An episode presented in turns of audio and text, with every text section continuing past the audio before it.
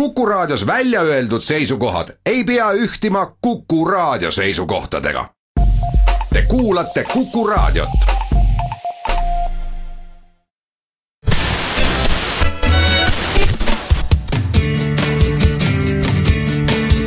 Radio Talsinki. Radio Talsinki ja unikaalsed Eesti lood toob teieni Solosokos Hotel Estoria. Radio Talsinki Tervetuloa jälleen Radio Talsinki-ohjelman pariin. Äänessä on Tapio Reini ja täällä jälleen tosiaankin ollaan äänessä ja meillä on aika mielenkiintoinen haastattelu tälläkin kertaa. Suomiseuran uusi toimittu toiminnanjohtaja Tiina Strambergin haastattelu. Hän käväisi täällä Tallinnassa lauantaina ja käväisi sitten myöskin meidän pienessä studiossa. Ja siinä sitten jutusteltiin ja tänään tulette kuulemaan tämän haastattelun aivan tässä pian, kun päästään lähetyksessä eteenpäin. Mutta ensimmäiseksi kuitenkin haluan onnitella erästä kaveria tuolla Amerikan maalla. Hän on nimittäin saanut kirjallisuuden Nobel-palkinnon ja kyseessä on Robert Allen Zimmerman, joka on syntynyt 24. toukokuuta 1941 Duluth, Minnesota oli paikka, kunta, missä hän sitten tähän maailmaan putkahti ja eipä tainnut hänen äitinsä tietää, minkälaisen kaveri sitten synnytti. Kyseessä on tietenkin Bob Dylan. Häntä pidetään yhtenä merkittävimmistä laulun tekijöistä ja sanoittajista. Muun muassa runotutkija Christopher Ricks nostaa hänet merkittävien englanninkielisten sanataiturien rinnalle. Kyseessä siis folk rock-laulaja ja upea laulun tekijä. Paljon onnea siis Popille sinne Amerikan maalle, kun kuuntelet meidän lähetystämme. Annoit minulle myöskin silloin nuoruusvuosina paljon ajattelemiseen aihetta, niin kuin miljoonille muillekin ihmisille siinä matkan varrella. Onnea siis Popille toivotetaan tältä SS-radiosta – SSS-radiosta oikein kovasti. Sitten lähdetään tarkistelemaan hieman tätä Viron elämää. Täällä nimittäin ei kyllä aiheista nyt tällä hetkellä ole pulaa. Siellä on keskustapuolue pitänyt valtuuston kokouksen ja äh, Kersti Sarapuu valittiin siellä tuota, äh, keskustan johtoon ja täällä sitten tuota Osinovskit ja muut siellä demarileiristä kertoilevat, että keskusta valmistautuu Edgar Savisaaren poliittisiin hautajaisiin. Joo, tavallaan mä ymmärrän näitä kavereita. Käsittelen tuossa tuota Sim Kallasta myöskin hieman tuossa, tuossa jälkeenpäin tästä samasta asiasta, niin he ovat olleet luomassa tätä tuota, omia puolueitaan molemmat, niin, niin Sim Kallas kuin Edgar Savisaarkin. Ja nyt sitten tulee tällaiset nuoret tyypit, jotka rupeavat siellä viisastelemaan ja väittävät tietävänsä paremmin näistä jutuista. Ja, ja vallastahan tässä on kysymys ja vallasta luopumisesta ja se on tosiaankin aika vaikeata. Näyttää kyllä siltä, että kovin helppo sieltä sitten ei ole lähteä pois. Pienemmässä mittakaavassa itsekin ajattelin joskus aikanaan, kun pääsin sitten vihdoin viime keittiöpäällikköasemiin, niin aika isoihinkin taloihin johtamaan niitä, että ja sitten kun näitä televisiokokkeja tuli sinne tietämään kaikkia asioita, niin olisihan minunkin tehnyt mieli potkasta niitä perseille, mutta sitten ajattelin, että no mitäs tässä, että annetaan näiden nuorempien tehdä kyllä heidänkin aikansa sitten joskus tulee ja vanhenevat ja joutuvat kokemaan sen sama, saman asian. asian ja, niin minun mielestäkin niin, niin pitäisi Edgar Savisaare ja myöskin Simp Kallakseen tuota keksiä jotakin muuta tekemistä. Minä keksin radion, että pitäisi sitten vaikka luentoja tai jotain muita juttuja ja kyllä tässä maailmassa muutakin tekemistä on, kun tuota, johtaa näitä puolueita, että ottaisi vähän rauhallisemmin molemmat. No tässä kyllä tuota, nyt sitten yritettiin saada Edgarin leiristä tänne Tallinnaan semmoista isompaa kokousta, mutta se ei sitten oikein muille porukalle kelvannut. Ja Paidessa sitten pidetään viides päivä marraskuuta nämä puoluevaalit ja, ja Edgaria yritetään kammeta sieltä tuota vallasta pois, mutta en menisi kyllä vielä sanomaan, miten siinä sitten loppujen lopuksi käy ja järjestääkö Edgar jonkun laajamittaisen linja-autokuljetuksen Lasnamäeltä sinne paineen vai mitä hyvänsä. Edgariltakin voidaan kyllä odottaa kaiken näköisiä erilaisia ää, käännöksiä tämän asian osalta. No joo, Sim Kallas sitten taas on löytänyt puukkoja selästään oman puolueensa ihmisten osalta ja alkoi jo suutuspäissä ja sitten perustamaan omaa puoluettaan, josta sitten ilmeisesti luopui.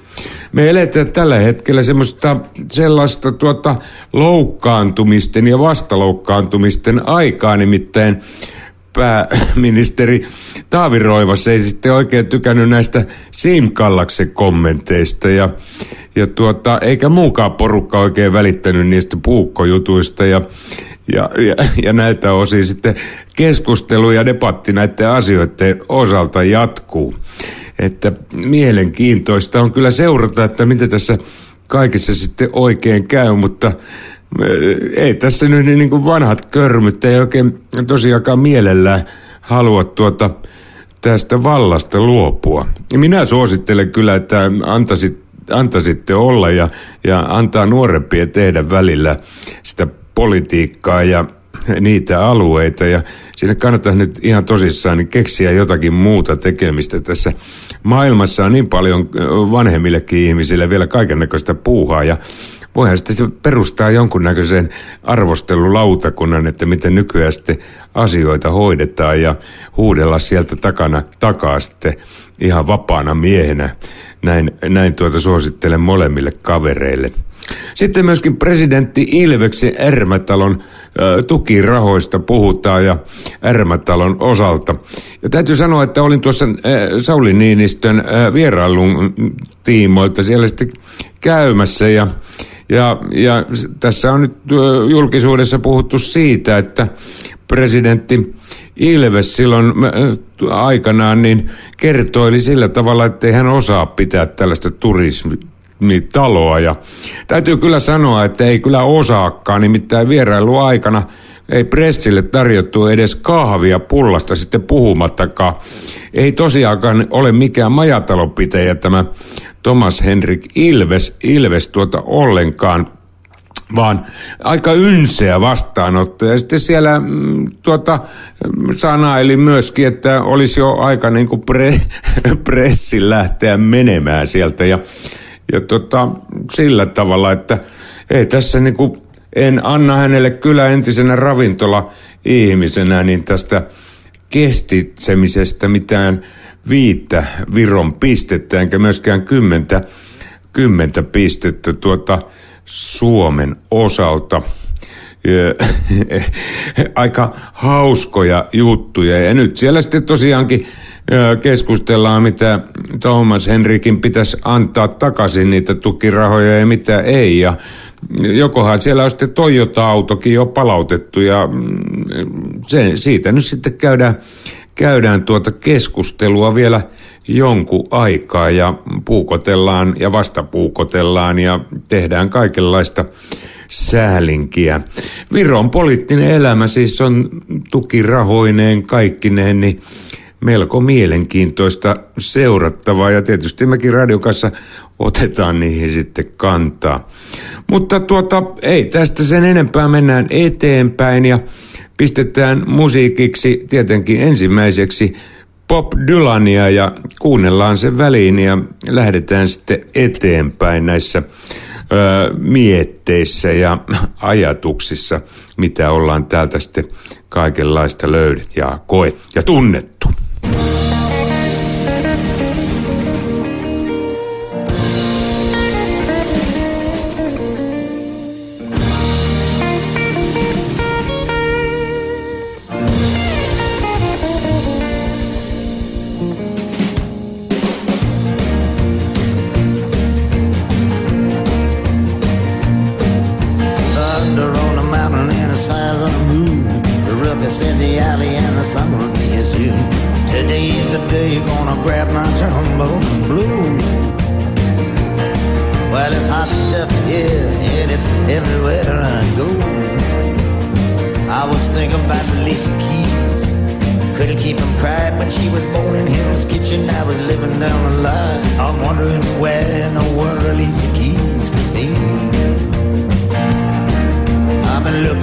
Her even clear through Tennessee.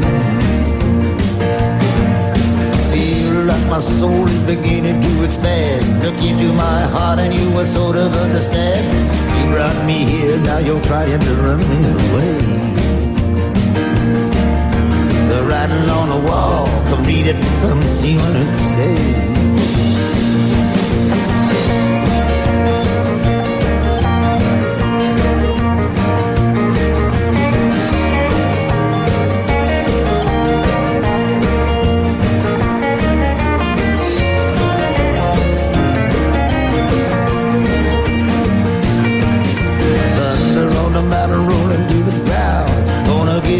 Morning, walk the high road down. Some sweet day I'll stand beside my king. I would betray your love or any other thing.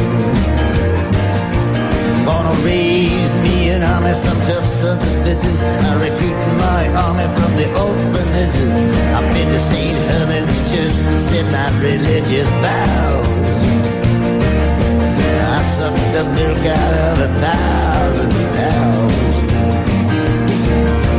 I got the pork chop, she got the pie. She ain't no angel and neither am I. Shame on your greed, shame on your wicked schemes. I'll say this, I don't give a damn about your dreams. Thunder on a mountain, heavy as can be. Mean old twister bearing down on Washington are scrambling to get out of town. Look like something bad gonna happen. Better roll your airplane down. Everybody going and I wanna go too. Don't wanna take a chance with somebody new. I did all I could. I did it right there and then.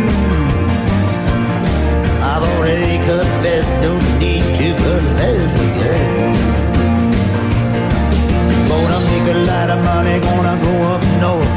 I plant and I'll harvest what the earth brings forth. The hammers on the table, the pitchforks on the shelf. For the love of God, God take pity on yourself.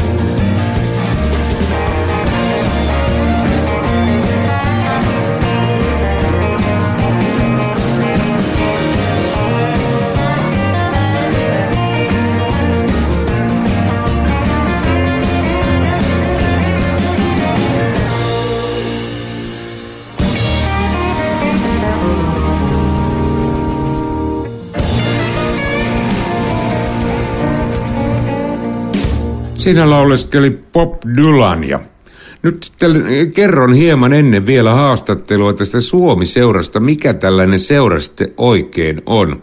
Suomi-seura ry on maailmalla olevien sinne lähtevien ja sieltä palaavien suomalaisten etu, asiantuntija ja palvelujärjestö. Suomi-seura välittää ajanmukaista Suomi-kuvaa maailmalle ja tekee suomalaisuutta, ulkosuomalaisuutta nimenomaan tunnetuksi myös Suomessa. Suomi seura jakaa vuosittain merkittävää tukea ulkosuomalaisille tiedotusvälineille ja järjestöille ja sieltähän sitä tukea sitten saatiin mekin uusiin laitteisiin. Oikein paljon kiitoksia Suomi seuralle toki tosiaankin. Ja nythän sitä tuntee, että on jollakin tavalla niin kuin meidänkin takanamme joku järjestö, joka tukee ja tässä on oltu, oltu vähän niin kuin pellossa tämän radio-osalta ja nyt me tiedetään, että me ei, meilläkin on takana joku järjestö, joka sitten auttaa ja tukee.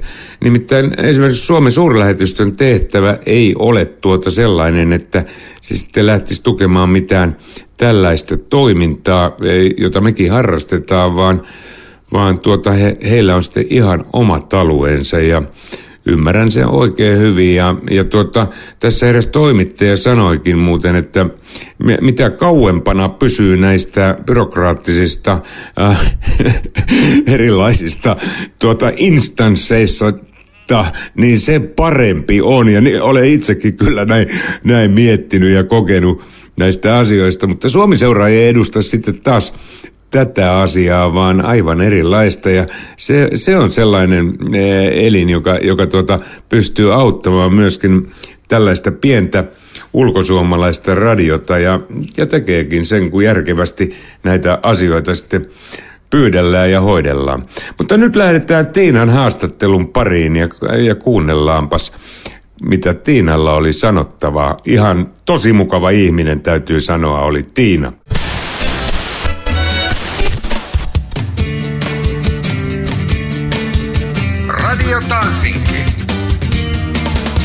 Radio Talsinki ja unikaalsed Eesti lood toob teieni Solosokos Hotel Estoria. Radio Talsinki. Tervetuloa Tiina Strandberg tänne meille pieneen studioon. Kiitoksia oikein paljon ja terveisiä kaikille kuuntelijoille. Ja onneksi olkoon kovasti, että olet saanut tuollaisen viran tuolta Suomi-seurasta. Sä olet nyt sitten tuota, ää, tuota, toiminnanjohtajaksi siirryt siellä Suomi-seurassa. Joo, kyllä. Eli ensimmäinen päivä syyskuuta aloitin toiminnanjohtajana. Monille varmasti on tuttu Paula Selenius, joka on pitkään toiminut 20 vuotta ylikin niin tuo Suomi-seuran toiminnanjohtajana, niin hän jäi nyt eläkkeelle. Ja sitten sinä astuit remmiin mukaan. Kyllä.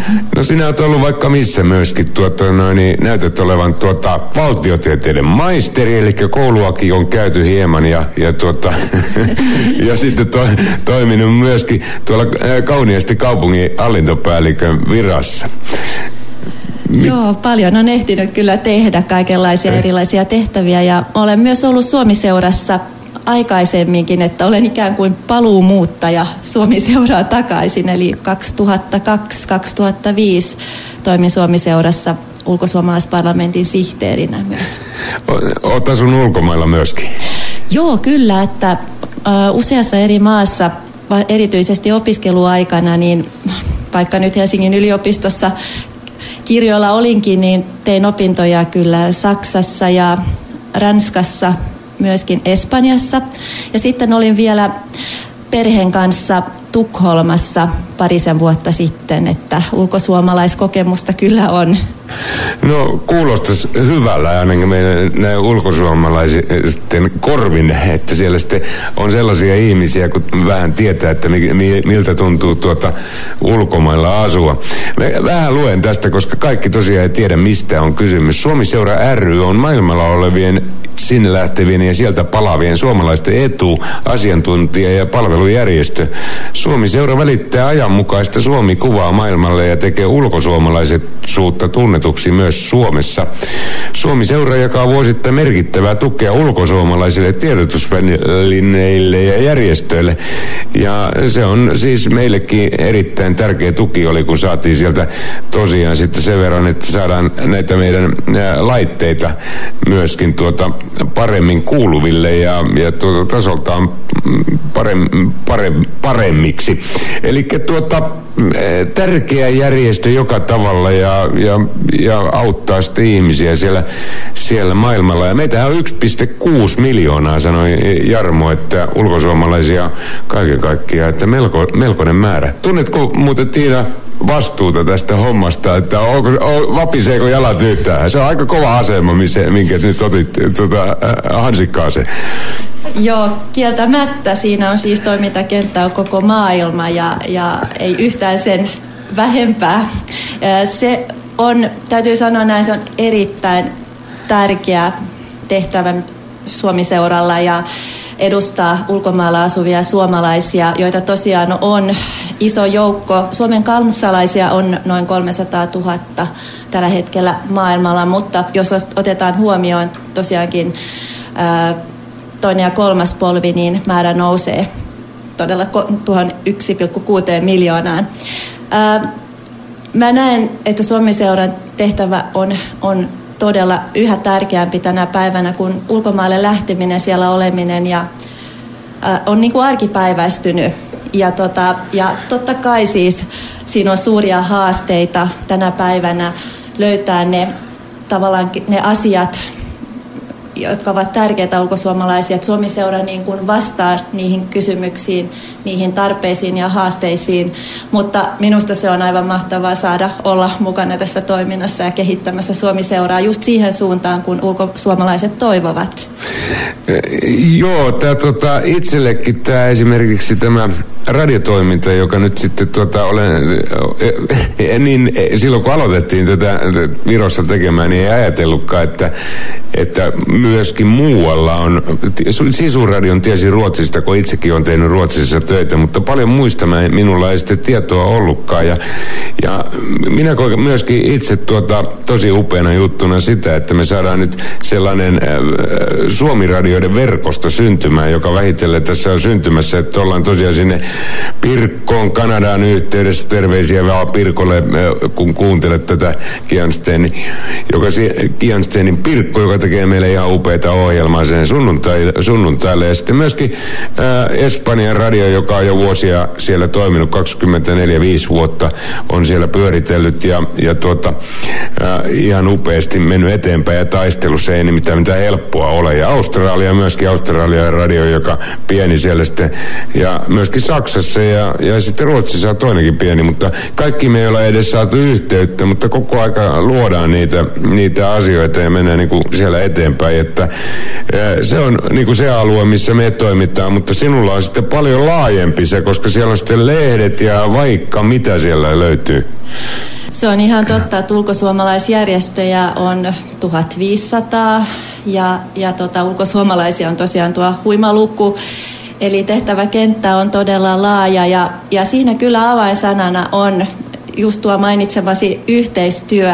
Eli se, että me kaikki yhdessä luomme ne oikeat verkostot ja toimintatavat ja puhallamme yhteen hiileen, niin se on se voima, jolla voidaan näitä asioita viedä eteenpäin.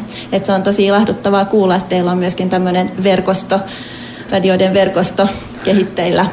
Kyllä, ja vähitellen mennään eteenpäin. Et eihän tuota, sitä, sitä tuota, mikä se olikaan, kun sanottiin rakennet, Roomaa vai? Et niin, niin se menee tuota, tosiaankin, tosiaankin, että mennään step by step eteenpäin ja, ja tota, no, niin tehdään tätä. Ja, ja tämä työ kyllä ei lopu koskaan. Se täytyy sanoa, että... Se, Joo, ei koskaan. Joo, se on ihan totta.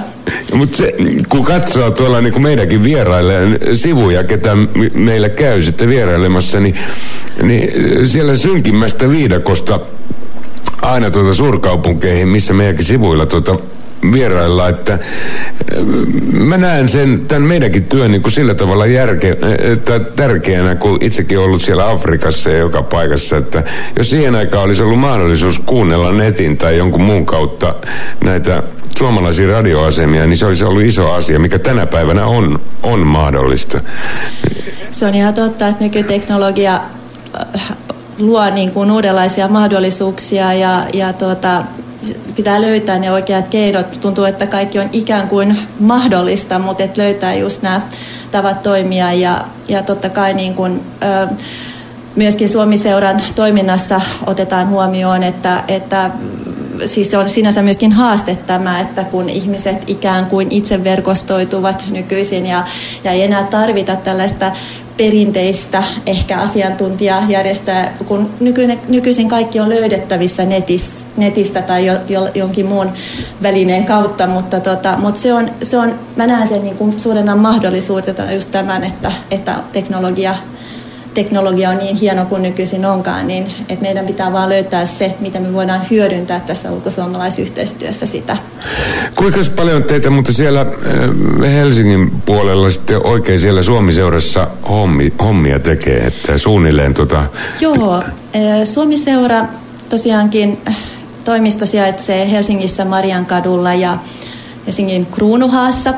Ja tuota, meitä on kymmenen henkilöä Suomiseurassa tällä hetkellä töissä. Ja, ja voi sanoa näin, että Suomiseuran kolme jalkaa on, on siis ensinnäkin tämä, tämä tuota neuvontapuoli, eli Suomiseura tarjoaa neuvontaa ulkomaille lähtöön, siellä olemiseen ja Suomeen palaamiseen liittyvissä asioissa.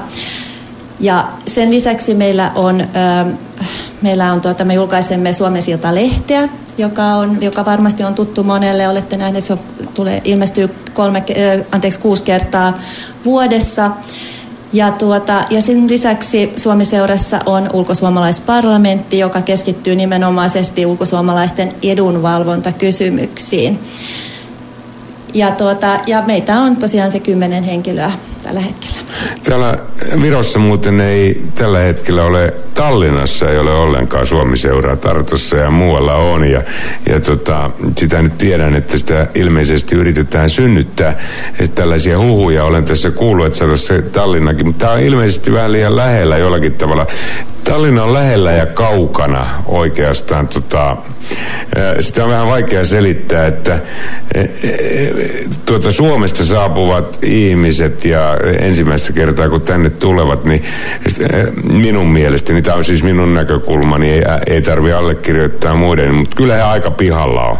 He, he, he tulevat 80 kilometrin päähän, mutta, mutta he, he välttämättä heti ymmärrä sitä, että he ovat paljon kauempana, siis jollakin tavalla kuin se 80 kilometriä. Tämä on eri maa kuitenkin tämä, tämä Viro ja, ja tota, kaikki asiat.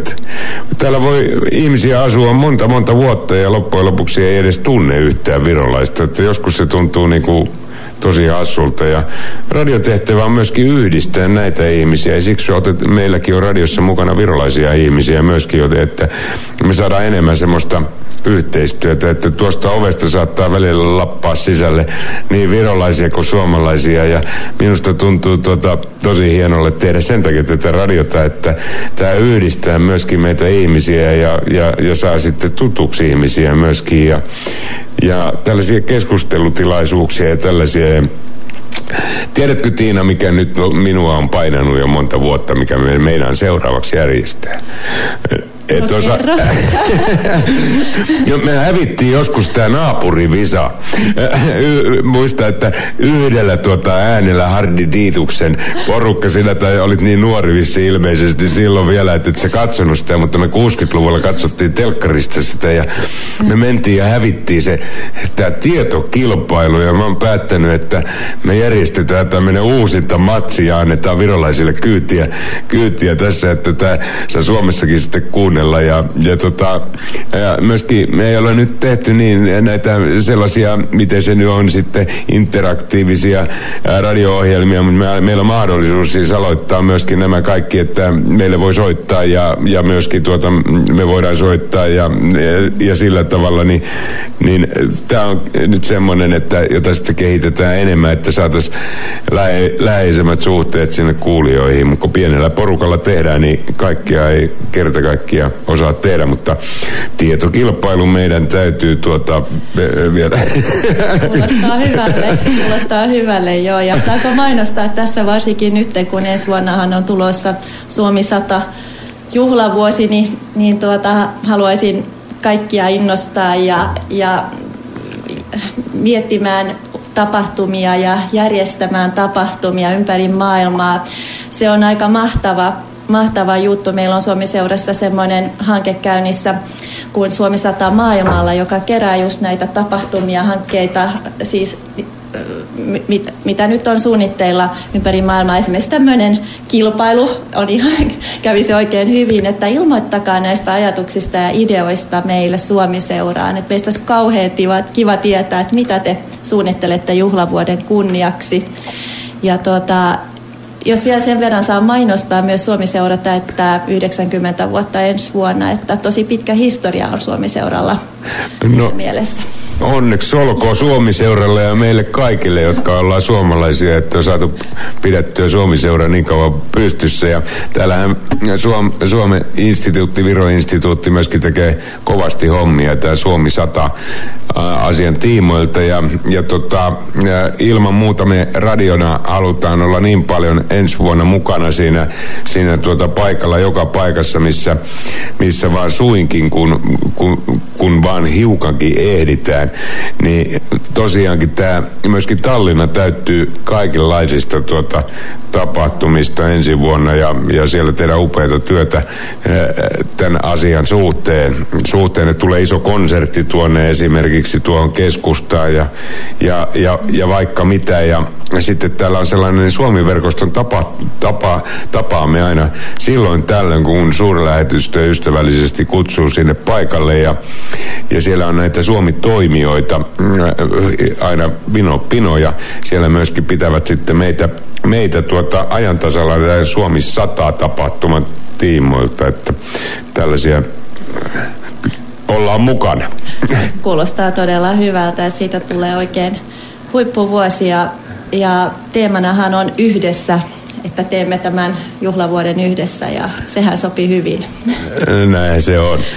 No eikö se sitten vapaata pitää yhtään vai onko sun Tiina tota, että tota, kaikki aika menee siihen, siihen tuota, hommiin? No tietysti siellä vapaa-päiviä täytyy olla, eikö vaan? No joo, kyllä siis mulla on, mulla on tota noin, niin iso perhe, tai nykyisin voi sanoa, jos on kolme lasta, niin on iso perhe, kolme pientä lasta, jotka pitävät kyllä kiinni siinä arjessa aika tiukasti, että tota, hommia tehdään tehokkaasti ja, ja sitten et niin, että ehditään olla myöskin lasten kanssa kotona ja, ja tota, se on tärkeä, tärkeä juttu myös. Ja, ja toisaalta sitten taas nämä arkiset asiat, siis asui sitten Suomessa tai muualla maailmassa, niin se arki on kuitenkin periaatteessa no, samanlaista tai saman tyylistä, että on nämä arjen ongelmat ja asiat on aika tuttuja ja tosiaan kun on perheen kanssa myös asunut ulkomailla, niin tuntee sitä kans, sitäkin puolta, että, että perhe on tärkeä ja sille pitää löytää aikaa.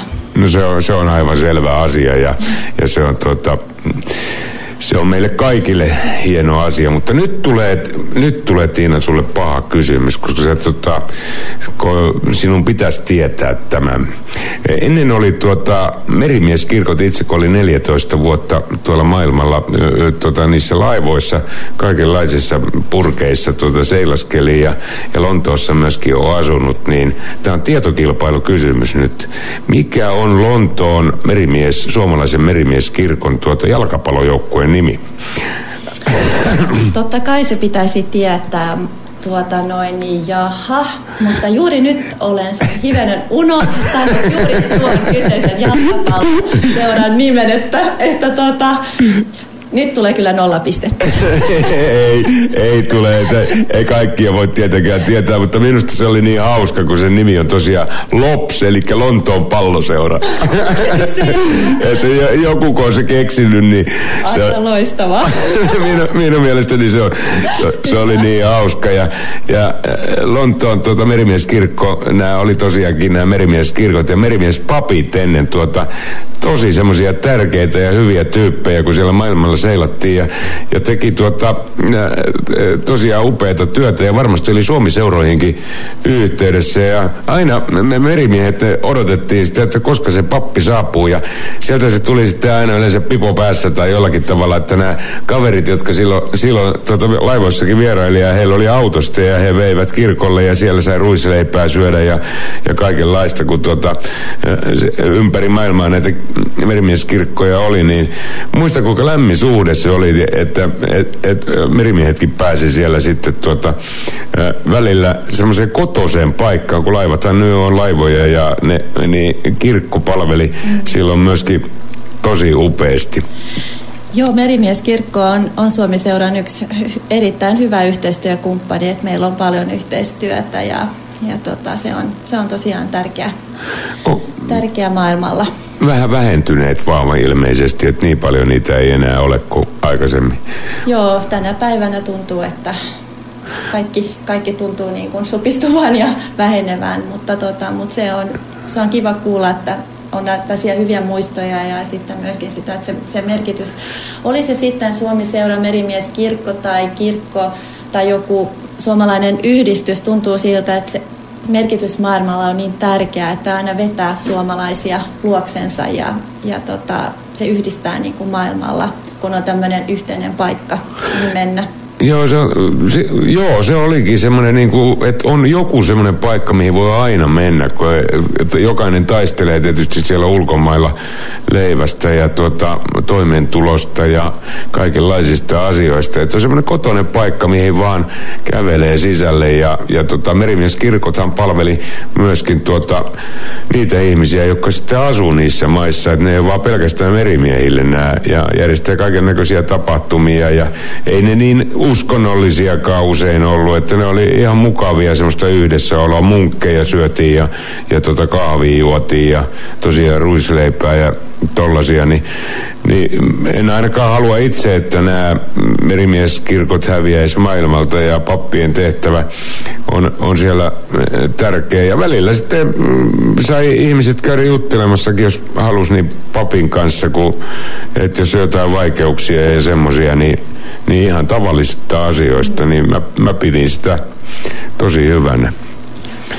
Joo, se on, se on ihan totta, että, että se mikä on tärkeää, kun varsinkin jos on pitkäänkin ulkomailla, niin kyllä se, että saa puhua muiden suomalaisten kanssa, jakaa kokemuksia ja, ja, tuota, ja, ja olla niin kuin, tulla ymmärretyksi sillä tavalla, niin se on, se on hirveän tärkeää ja, ja tota, meille kaikille sitten. Ja, ja myöskin sitä mä ajattelin tämän Suomi-koulun, esimerkiksi Suomi-koulut maailmalla, jos ajatellaan myöskin kielen säilymisen kannalta on hirveän tärkeää työtä tekevät, että siis noin 140 suomikoulua eri puolilla maailmaa myöskin mahdollistavat, että kieli säilyy kun on ulkomailla. Ja, mutta täällä, täällä Tallinnassahan on ihan suomalainen peruskoulu, että täällä se on täällä ei suomikouluja varsinaisesti taida ollakaan.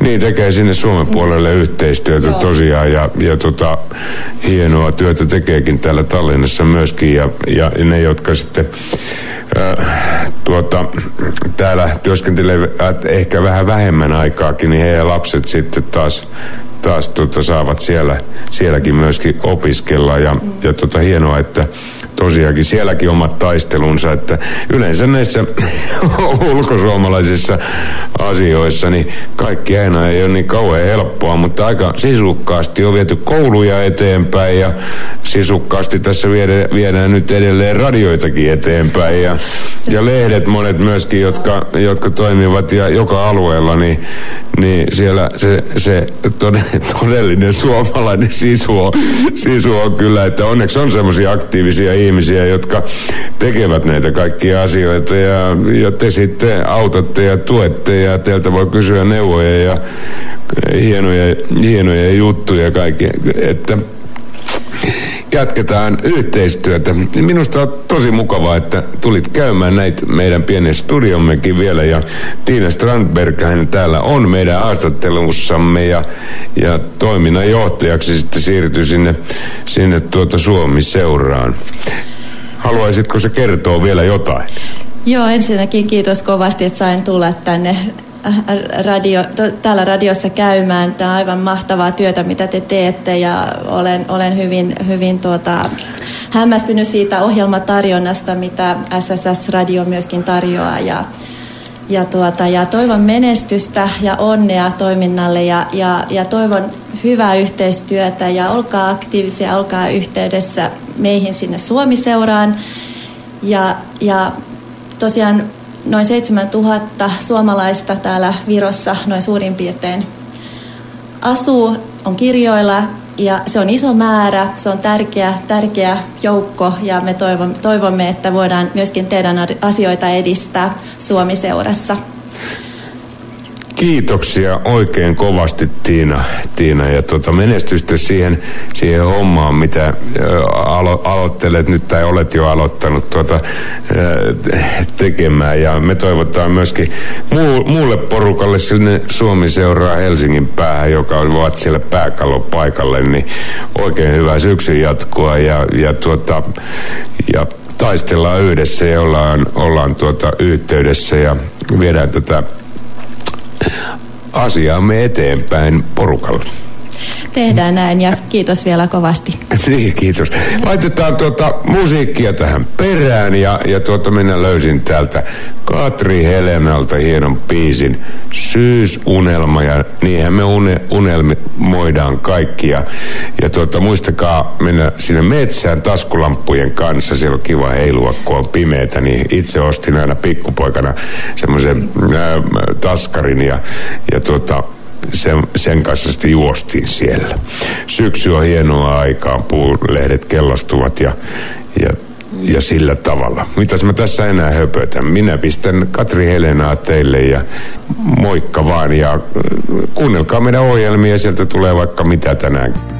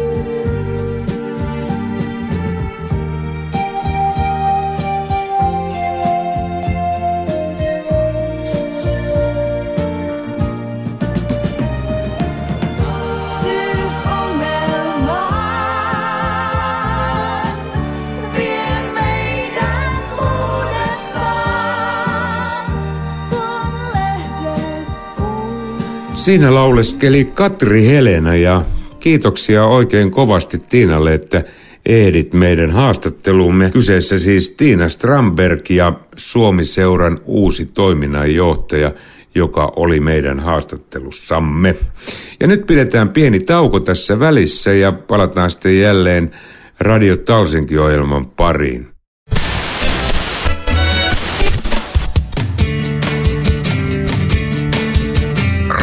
Talsinki.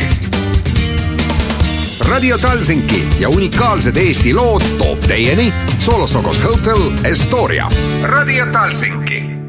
Radio Talsiki-ohjelman parissa jatketaan. Äänessä täällä on Tapio Reini. Tiedoksi kaikille, että me järjestämme virolais-suomalaisen kirjallisuusillan ravintola Osossa ja Tuotta se on sellaisessa paikassa kuin Vanaviru 13 Kesklinna Tallinna, Harjumaa, Kontia, Eesti lukee täällä ja Tallinnan suomalaismedia SSS Radio ja Tallinna 24 järjestävät yhteistyössä mielenkiintoisen virolais-suomalaisen kirjallisuusillan lauantaina 22.10.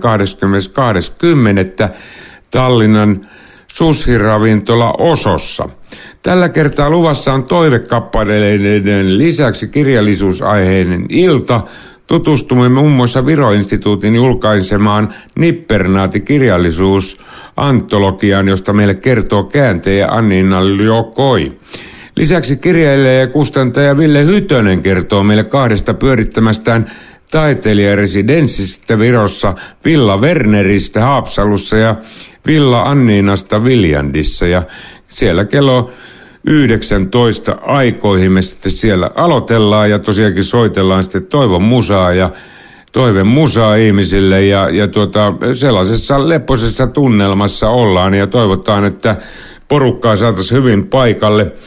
Radio yleensä tuota, äh, ottanut vastaan ystäviltä, ystävällisiltä ihmisiltä viiden euron tukimaksuun, jolla sitten maksetaan näitä meidän kulujamme kaikenlaisia ja, ja ostimme muun muassa näihin ilto, iltoja ajatellen tällaisen tuota, musiikkilaitteen, mistä voidaan soitella musiikkia ja langattomat mikit ja tällaisiin asioihin sitä tukea sitten tarvitaan vähän sen, kun pienillä rahoilla eletään. Mutta me toivotamme kaikki suomalaiset ja myöskin virolaiset tervetulleeksi näihin iltoihin ja kerran kuukaudessa näitä on tarkoitus jatkaa ja, ja tehdä ja, ja Suomi seurastakin ilme, ei Suomi seurasta, vaan Suomi Viron instituutissa miten se nyt sitten sanotaankin, Viron Suomen instituutti vai toista tietä, niin on tulossa sitten ihmisiä, katselin tuossa listaa, niin, niin kertoilemaan sitten lisää ilmeisesti asioista. No katsotaan, ketä paikalla sitten on ja toivotaan, että porukkaa tulee tosiaankin hyvin. Kirjallisuusilta siis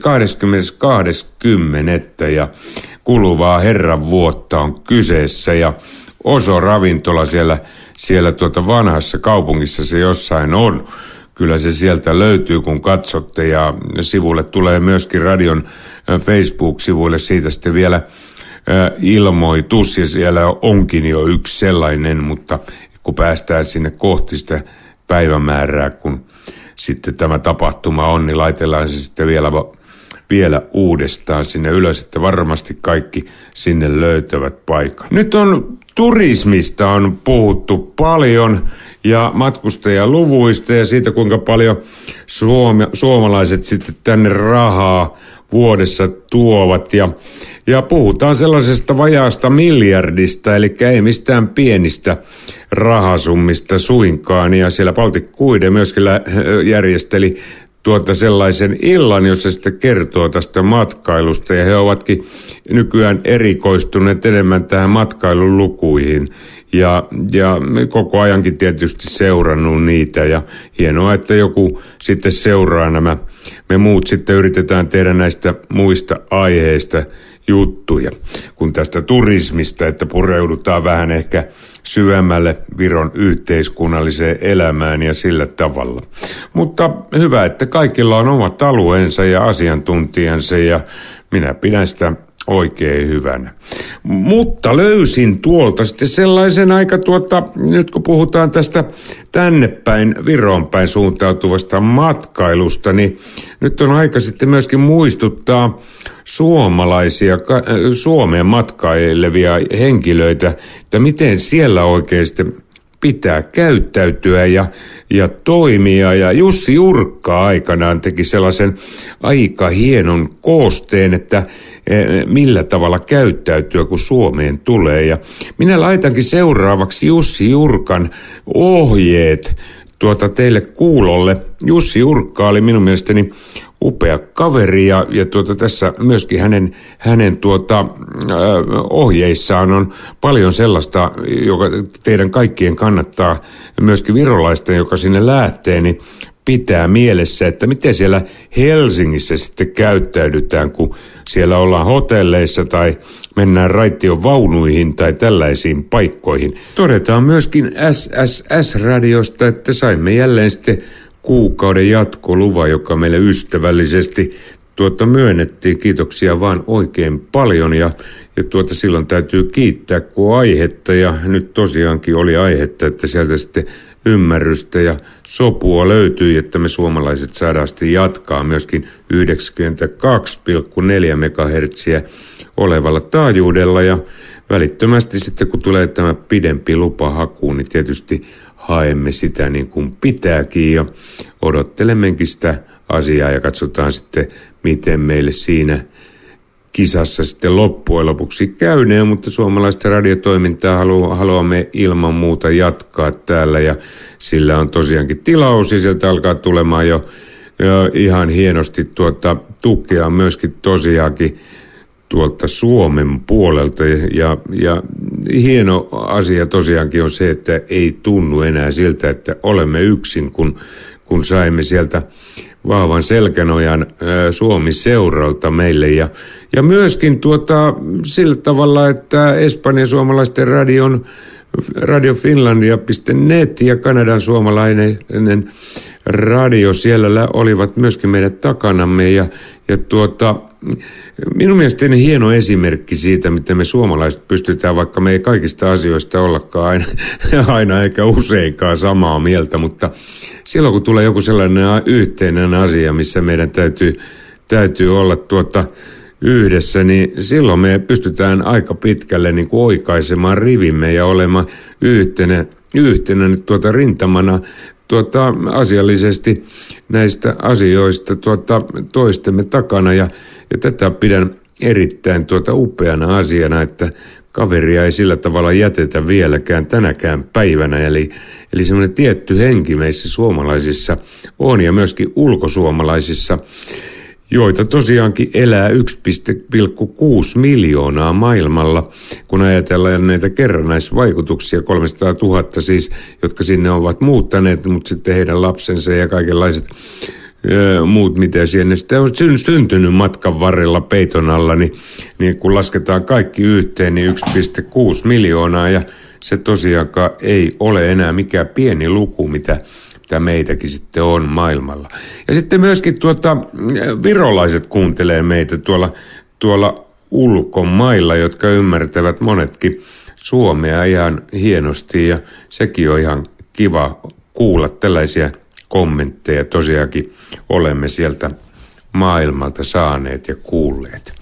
Mutta me jatketaan näitä ohjelmien tekemisiä ja, ja tota, käykää siellä kanava, kanavalla 92,4kin kuuntelemassa. Ja sss-radio.ee-sivulta löytyy meidän ohjelmisto ja lastenohjelmakin on aivan kohta alkamassa, kun saadaan vaan va- materiaali meille. Ja Niina Pelhän sitä tekee lastenkirjailija ja, ja tuota musiikin tekijä.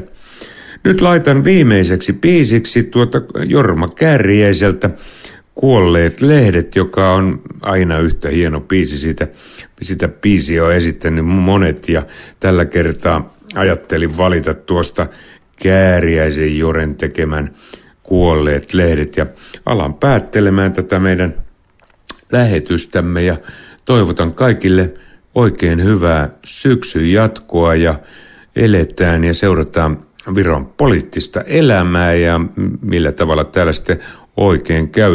Elämme tosiaankin kiinnostavia aikoja, mitä sitten ensi kuun viides päivä tulee päättämään siellä keskustan puoluekokous. Jatkaako Edgar Savisaaren, pitäisi sitäkään ihmeenä, sitä ei tosiaankaan tiedä minkälaisen kuljetusaallon hän järjestää sinne. Tuleeko sinne ilmasilta sinne paideen Lasnaväeltä vai mitä, mitä tulee tapahtumaan.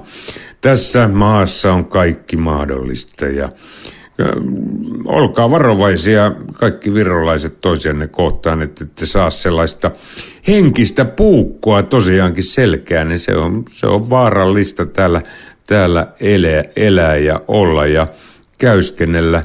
Koskaan ei tiedä, koska toinen virolainen puukottaa toista selkään. Se, se, on, se on tämän maan yksi vaaroista. Joo, se on vähän niin kuin voikkaalla Suomessa. Varoiteltiin joskus aikana, että kun polkupyörällä ajaa, ei kannata katsoa kelloa sillä tavalla, että irtoaa tuota toinen käsi sieltä pyörätangosta. Tämä voi olla kello lähteä kädestä. Äh, siellä nimittäin romaniyhteisö elä, eläskeli ja tällainen juttu joskus siellä, siellä oli. No, ei se nyt ihan näinkään tietenkään ole, mutta juttuna aikana ihan semmoinen hauska kansanjuttu. Ei siis mitään sen suurempaa rasismia. Morjes vaan kaikille ja äänessä täällä oli jälleen Tapio Reini ja toivottavasti miellytti tämä Radio Talsinkin lähetys tälläkin kertaa. Moi moi!